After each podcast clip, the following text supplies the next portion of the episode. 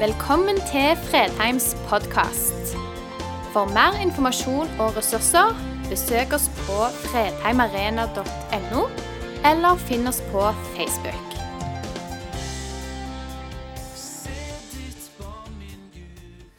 Vi fikk et bitte lite innblikk i innledningen over hvordan vi kan presentere oss, vår identitet. Vi har noen sånne uttrykk som eh, vi bruker når vi snakker om det. Et av de er 'som fars og sønn'. Eh, og Det kan av og til se sånn ut. Eller vi har et litt annet Ja, forresten, jeg tror jeg har enda et til. Jeg liker ikke det så godt. Eh, Anne Lene, familiepastoren vår, hun sier ofte det at våre vaner blir våre barns verdier. Kikk litt på den. Tenk litt etter. altså Våre vaner blir våre barns verdier. Vi har et annet uttrykk. Eplet faller ikke langt fra stammen. og Det kan uttrykkes på den måten. Det ser jo ganske snålt ut hvordan det går an å ligne. Vi har et uttrykk som ikke passer på talerstolen. Han er så snytt ut av nesen på faren.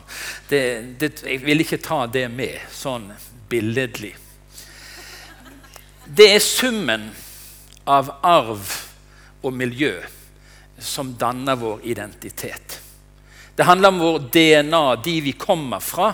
Det handler om de menneskene som vi er sammen med, som omgir oss. De er med å forme den du er.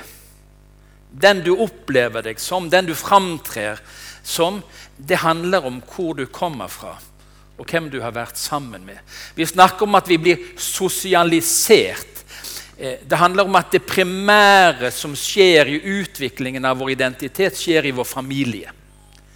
Eh, på godt og vondt så blir vi forma av vår aller nærmeste. Og så handler det om en sekundær sosialisering. Det samfunnet, det miljøet som vi blir en del av. Det med å forme oss og prege oss og den identiteten som vi har. I høst så skal det handle om vår kristne identitet.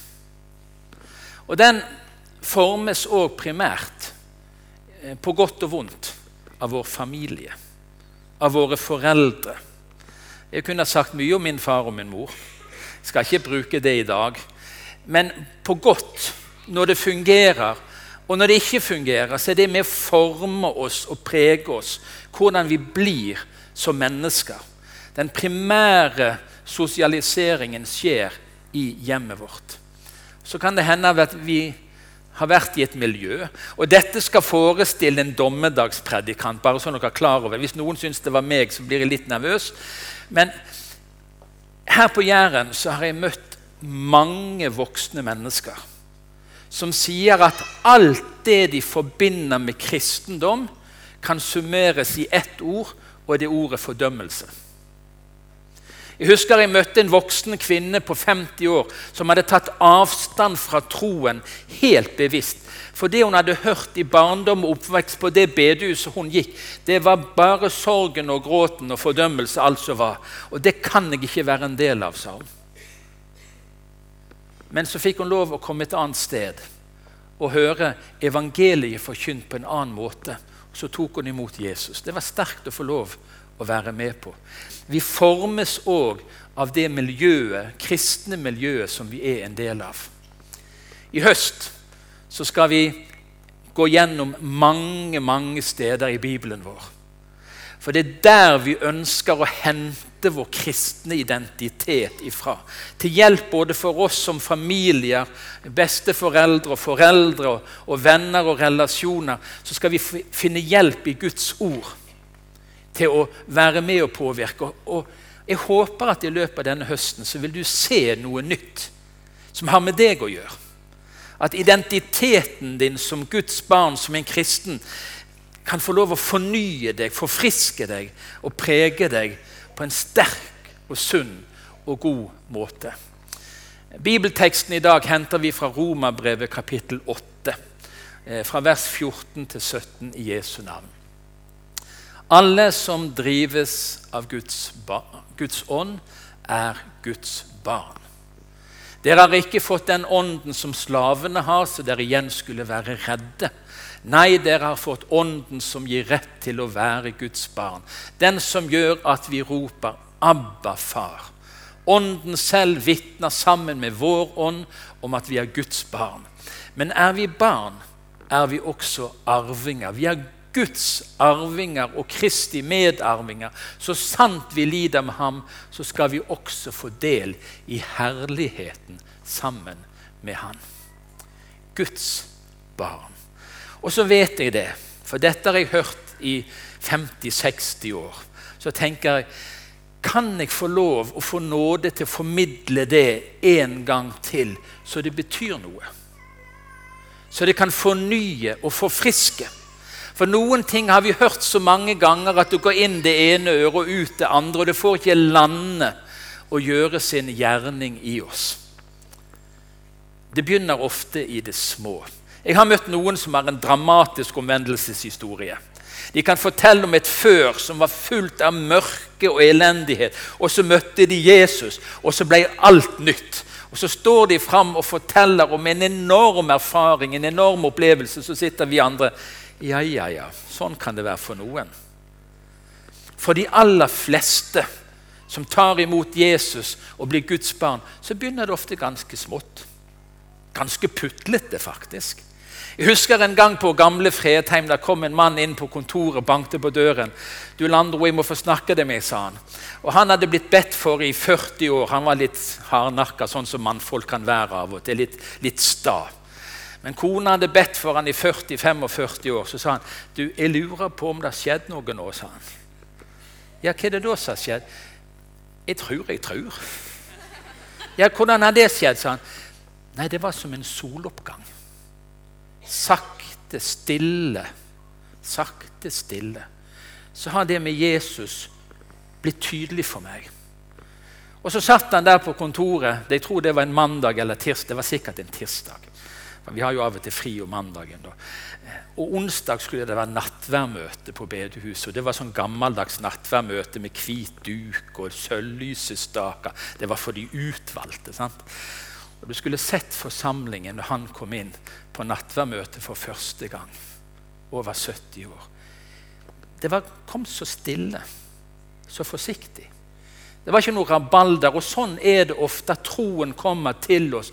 Det begynner ofte i det små. Og Det er nydelig å kunne si det. Du trenger ikke noe sånn himmelstormende erfaring opplevelse for å ta imot Gud og bli Guds barn. Ofte er det så enkelt. Alle dem som tok imot ham, ga han rett til å bli Guds barn. De som tror på hans navn. Det, det virker så enkelt. Det største som kan skje i et menneske sitt liv uten når de blir født. Det er jo liksom begynnelsen på det hele. Men det største som kan skje fra vi blir født til vi går i grav, det er å bli et Guds barn. Jeg spurte, spurte sist søndag om noen som hadde lyst til å bli fotballproff. Og det var mange gutter som rekte hånden i været. Det høres så stort ut, men det kan ikke måle seg med å bli et Guds barn. Få lov å høre til himmelens og jordens skaper, kongenes konge, herrenes herre. Få vite at jeg er Guds barn. Og det er ikke noe strev. Du trenger ikke ta deg sammen en millimeter for å bli frelst. Du trenger ikke gjøre noen ting for å fortjene å bli et Guds barn. For det er av nåde, gratis, vi blir frelst ved tro. Det er ikke vårt eget verk, men Guds gave. Jeg har tre barn, eller barn og barn. De er voksne nå. Men de er så glad i gaver. Og du hendelse. Jeg har ennå ikke opplevd noen av mine barn har sagt nei til en gave. Fra det minste til det større. Av og til, av og til så spør de rett og slett om noe. Ja, det er noe med det det enkle de vil ta imot fra foreldre som vil de vel. Så, så tar de imot. Helt enkelt. Det, hører. det er liksom Barnesinnet er sånn lagt. Sånn er vi mennesker. Gud ønsket det skulle være så enkelt. At vi skulle få lov å høre til himmelens og jordens skaper. Det er enkelt å ta imot. Gratis. Nåde. Jesus har betalt. Jesus ordner med alt som skal til. Det begynner ofte i det små. Det største du kan bli som menneske, blir du tilbudt som en gave. Ikke pga. fortjeneste, men gratis, helt og fullt fordi det er én som elsker deg akkurat sånn som du er. Vet du hva? Evangeliet har minst to ting som er så frigjørende at vi skulle ha stått på gaten og ropt det ut. Det ene er at det frigjør oss i forhold til Gud. Og det andre det tar bort alt det der stresset og kavet og maset som samfunnet legger på oss om hvordan vi må være. Alt det som skaper en generasjon full av skam og, og nederlag. I møte med Gud så møter du en som elsker deg akkurat sånn som du er. Sånn som du er akkurat nå. Du trenger ikke forbedre deg det minste. Der er én som elsker deg. Akkurat sånn som du er. Det er litt rart å se en del foreldre Nå skal, må ikke dere bli fornærma her. En, en, del nybakte foreldre kommer med barn og sier 'Har du sett noe så fint?' Så tenker jeg ja, det har jeg. Mine var mye fine. Nei, det var jo ikke sånn. Men, men, men, av og til så ser jo de der nyfødte litt skrukkete ut. og litt sånn. De ser jo ut som de er pensjonister, noen av de når de blir født. Akkur altså med en gang, liksom. Men se mor og far når de kommer med dem. Hva er det? Det, det, det fins ikke noe vakrere, noe finere enn dette barnet som de har fått lov å føde og ta imot. Sånn ser Gud på deg. Så vakker er du i Guds øyne. Så fullkommen er du i Guds øyne. Så høyt er du elska av Gud. Det er noe å få lov å være Guds barn.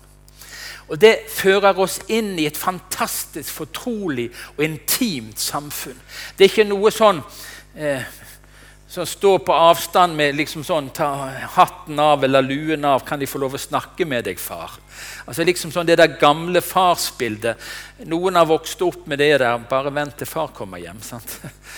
Mor skulle liksom spare oss litt, men når far kom, da ble det alvor. Nei, det barnekåret vi inviteres i, det er Abba. Pappa. Vi får lov å være barn. Vi er elska, vi tas imot, og vi inviteres til en nær, fortrolig relasjon. Vi skal få lov å snakke med vår himmelske Far akkurat sånn som vi har det, sånn som vi er. Vi trenger ikke være tilgjorte på noen som helst måte. Noen tror at de må be, så må de lage til en veldig åndelig stemme sant? eller et eller annet spesielt. Kom akkurat sånn som du er. Han inviterer til et fortrolig og intimt samfunn. Og det er en relasjon basert helt uten frykt. I teksten så leste vi det at så dere ikke igjen skal være redde. Før så frykta vi Gud, før vi kjente Han. Før vi kom i relasjon til Han, før Han hadde fått lov å bli vår far, så det er all grunn til å tenke wow, han der, han, han, han, han er farlig. Men barna hans skal få leve helt uten frykt. Du skal få lov å komme til Gud helt uten frykt. Jeg tror nok ungene mine av og til har kommet med litt sånn et eller annet de skal fortelle, så har de lurt på hvordan vil far ta imot det, eller hvordan vil mor ta imot det. Det tror jeg de fleste av oss har opplevd. At ungene våre er litt usikre, i alle fall hvis de har gjort noe alvorlig galt. Skikkelig galt. Så kan det være litt tungt å komme med det. Men vi skal få lov å komme til Gud, vår himmelske Far, uten frykt. Du kan ikke fortelle han noe som overrasker han. Han vet jo før. Altså, vi tror jo vi kan skjule, altså, Ungene tror de kan skjule ting fra foreldrene, men du ser det jo på kroppsspråket deres når de har gjort noe galt. De, du ser det jo nesten på hele måten. Selv om unger i dag er litt mer avanserte, har jeg funnet ut. De, de har lært litt triks. Men, men du avslører dem med en gang. Du trenger ikke holde noe skjult for Gud. Ingen grunn til det. Er du hans barn, så kan du komme helt uten frykt. Framfor han med alt i livet ditt. Noen snakker om at vi må vokse som kristne. Og da tenker de at vi må, må vokse vekk fra å være barn. Vi må bli modne, store, sterke, sunne, frimodige kristne. Ja, Bibelen forteller oss om vekst. Men det handler bare om å vokse i barnekåret. Når selv dere som er onde, vet å gi barna deres gode gaver, hvor mye mer skal ikke da deres far i himmelen gi gode gaver til dem som ber ham? Det som vår far han møter oss. Det som vår far han utruster oss. Det som barn vi får lov å ta imot. Ikke som superkristne, vellykka mennesker, men som barn er det vi får lov å vokse. Jeg leste noe for noen år siden denne boken. Er det mange andre som har lest 'Øya'? Glitrende bok. Jeg, jeg, jeg, var litt uheldig fordi jeg var eh, på Kreta og var på det stedet eh, som beskrives i boken, sammen med en kompis som leste boken akkurat der og da. Vet, han opplevde jo boken helt annerledes. Han snakket jo ikke om annet. Altså, vi lurte jo på har vi lest samme bok, for han leste den mens vi var fysisk på det stedet i det området. Og han opplevde ting. Vi måtte jo hjem og lese boken en gang til. Men det er en setning i den boken som er helt glitrende. Den lyder sånn. Du er ikke alltid et barn, men du er for alltid mitt barn. Den er djup. Det handler om den kristne veksten òg.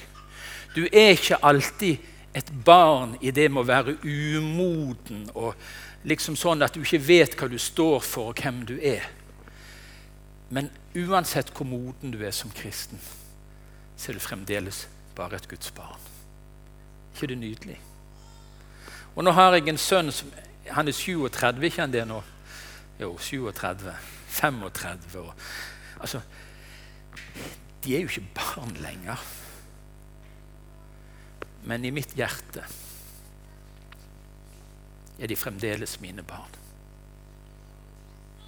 De er fremdeles mine barn. Det vil de alltid være. Så lenge jeg lever, så vil de være mine barn. Selv om de skulle leve og jeg ble 90 og de er 60-70 år, du hørte om hun nede på Egersund som skrev i Aftenbladet hun var så glad for at hun endelig kunne få sønnen inn på sykehjem på, gamlehjemmet på Egersund. Så hun, noen tok seg av han. Hun var noen og 90, og endelig var sønnen plassert trygt. Det er rart hvordan det må være foreldre. Ja, nå vet jeg ikke om det er spesielt for Egersund, eller hva det er, men det er noe sånn. Du er ikke alltid et barn. Men du er for alltid, sier Gud, mitt barn. Tenk det. Det var ett begrep til. Vi skal ikke bruke så mye tid på det. I denne teksten vi ved Guds barn sto der, og så sto det at vi er Guds arvinger. Ca. én av fem, kanskje bortimot 25% Ca. 700 000 nordmenn har opplevd konflikt ved et arveoppgjør. Og Nå kan det hende at du sitter med ferske erfaringer av at det ble vanskelig det ble krevende.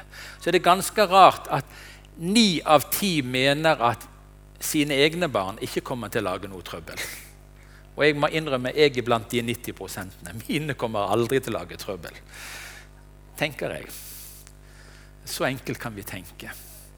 Det der er ofte vanskelige ting når arv skal fordeles. Det, det er ikke så enkelt å snakke om. Hva er det vi arver? Romerbrevet kapittel 8, som vi leste noen vers ifra, sier at vi skal få del i herligheten sammen med Han. Det er et eller annet så stort, det er noe så ubegripelig, at vi kan knapt sette ord på det. Våre ord bleikner. og Når Det nye testamentet, og spesielt Johannes' åpenbaring, skal skrive om himmelen, så er det gater av gull, akkurat som jeg vil jo heller ha et flott gras jeg på en måte å gå opp en gater av gull. Men altså, når de skal beskrive himmelen og det vi skal arve, så bruker de ord som verdsetter. Det handler om diamanter. Det handler om helt spesielle, verdifulle ting. Vi skal arve herligheten sammen med Han. Jeg vet vi sang dette på Fredheim på 80-tallet. Og Noen av dere har sunget dette her kanskje før. I barneår. Jeg hørte titt om himmelen. Jeg undret om det var virkelig. At der var en bolig så herlig. Av og til så skulle vi kanskje hente det fram igjen. Vi som har det så godt på så mange måter, glemmer av og til at det er noe bedre som venter. Og jeg tror det som venter oss, hør nå, at det er verdt det. Jeg unner deg det som Guds barn skal arve. Hør. Se, Guds bolig er blant menneskene. Han skal tørke bort hver tåre fra deres øyne.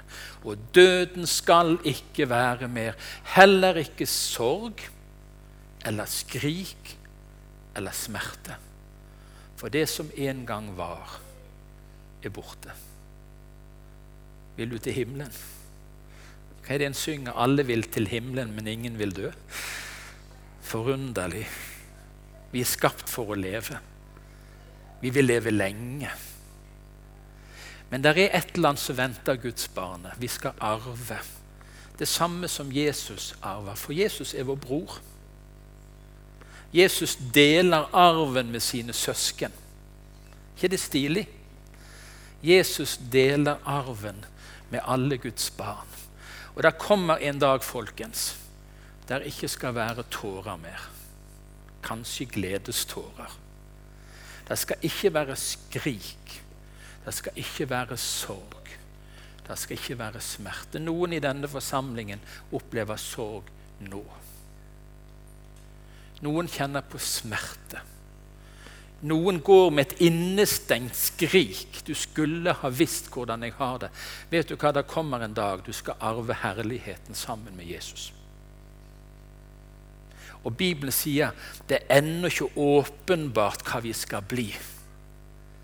For når vi ser Han, så skal vi bli Han lik. Jeg gleder meg til den arven. Jeg har fått farsarven, og jeg har fått morsarven. Men jeg har ennå en arv i vente, og det er himmelen. Men så sto, så sto det i det avsnittet noe vi kommer til å komme tilbake igjen til. Så sant vi lider med han. Vi arver noe mer sammen med vår bror. Og Da han så folkemengden, fikk han inderlig medfølelse med dem. Jesus vil at vi skal arve hans hjertelag for mennesker. Han vil dele sin nød med oss. Han vil at vi skal kjenne noe av smerten han kjenner. Jeg mista min bror i høst. Eh, han har en kone som nå er enke, og så har han tre barn. Jeg kjenner smerten over det de har mista. Jeg deler noe av den smerten, på langt nær sånn som de har det.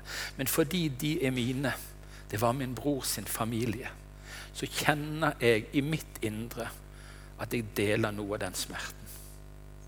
Sånn er det å være familie. Og Jesus sier det så sant at vi lider sammen med han. Jesus har lyst å dele noe med sine søsken. Han har lyst til å dele noe av smerten som han har over de som er på vei mot fortapelsen. Han har lyst til å dele noe av sin nød. Og Så står det noe som er ganske krevende. Har de forfulgt meg, vil de også forfølge dere. Vi må regne med at alt ikke bare er plankekjøring i denne verden. Vi må regne med at det er litt i godt rykte og dårlig rykte. Vi må regne med at ikke alle liker det vi gjør og det vi står for. Sånn hadde vår bror det. Det skal vi òg få lov å dele med vår bror. Men vi skal avslutte med Romerbrevet kapittel 8, de siste versene. Det leste vi ikke.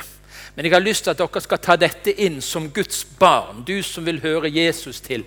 Hør hva løftet han gir oss for sin familie.